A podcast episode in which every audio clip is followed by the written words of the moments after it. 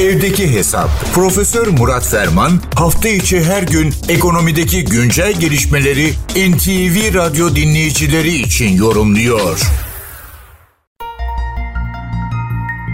TÜİK'in dün itibariyle açıklamış olduğu dördüncü çeyrek ekonomik büyüme verileriyle birlikte 2022 yılının toplam ekonomik büyüme tablosu da ortaya çıkmış oldu.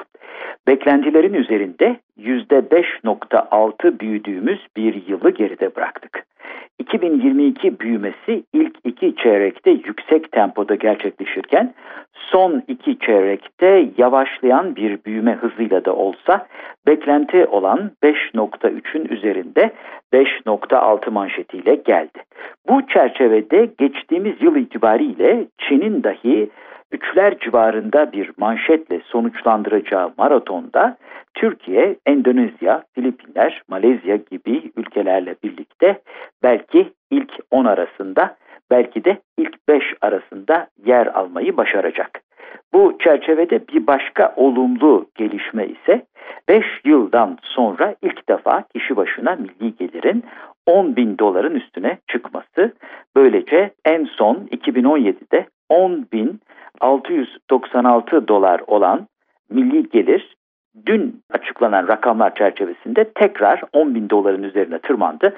10.655 dolara çıktı. Gayri safi yurt içi hasılamız da dolar bazında 1 trilyon dolara doğru yaklaştı. 905 milyar 501 milyon dolarlık bir manşette karşı karşıyayız. Tabii büyüme kompozit bir kavram. Büyümenin nasıl ve hangi unsurlar çerçevesinde gerçekleştiğini anlamak sürdürülebilir büyüme açısından önemli bu grafik bakımından. Alt kırımlara da bakmamız lazım. Genel geçer bir ifadeyle 2022 yılında Türkiye vatandaş harcamalarıyla, özel tüketim harcamalarıyla büyüdü. Gerçekten vatandaşın tüketimi geçen sene %19.7 arttı. Bunun 5.6'lık paçal e, rakama katkısı 12.08 düzeyinde gerçekleşti. Sanayinin büyümesi %3.3, etkisi ise sadece 0.68 puan oldu. Halbuki sürdürülebilir bir büyüme bakımından sanayinin daha yüksek bir katkı sağlaması gerekiyor.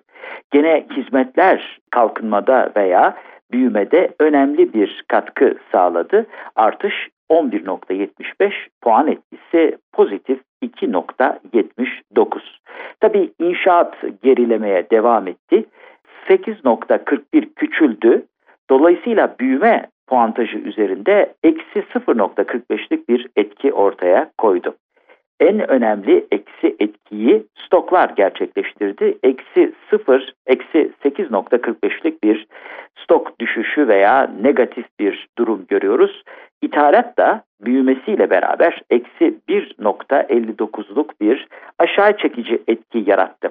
Tabii işin diğer tarafı yani pozitif bacakta 2021 yılında %24.9 büyüyen ihracat 2022 yılında bayağı istim kaybederek sadece 9.06 büyüme kaydetti. Yani neredeyse iki buçuk kat daha az büyüdü ve bu çerçevede manşete katkısı sadece 2.17 puan oldu.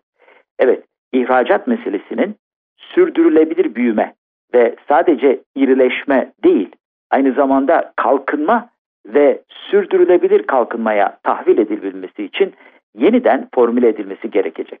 Bir başka önemli nokta da emeğin milli gelirden aldığı payın 2022 son çeyreğinde %25.2 ile tarihi en düşük seviyelere düşerken net işletme artığı veya karma gelir teknik ifadesiyle açıklanan sermaye payının %52,5'tan %54.5'e yükselmesi. Ücretli kesim genellikle yarı kalifiye veya kalifiye insan gücünü oluşturduğu için aslında sürdürülebilir büyüme ve kalkınmaya tahvil edilebilmiş ilerlemenin temel dinamiği veya motoru olmak durumunda. O halde sanayinin, ihracatın ve ücretlilerin bu cephedeki gelişmelerin dikkate alınması, sürdürülebilir büyümenin yaşam kalitesiyle taçlandırılmış kalkınmaya dönüştürülerek sürdürülebilmesi, devam ettirilebilmesi ve hepimizce paylaşılabilmesi bakımından kilit rol oynuyor.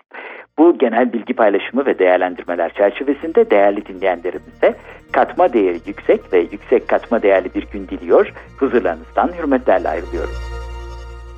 Profesör Murat Ferman'la evdeki hesap sona erdi. Kaçırdığınız bölümleri www.ntvradio.com.tr adresinden dinleyebilirsiniz.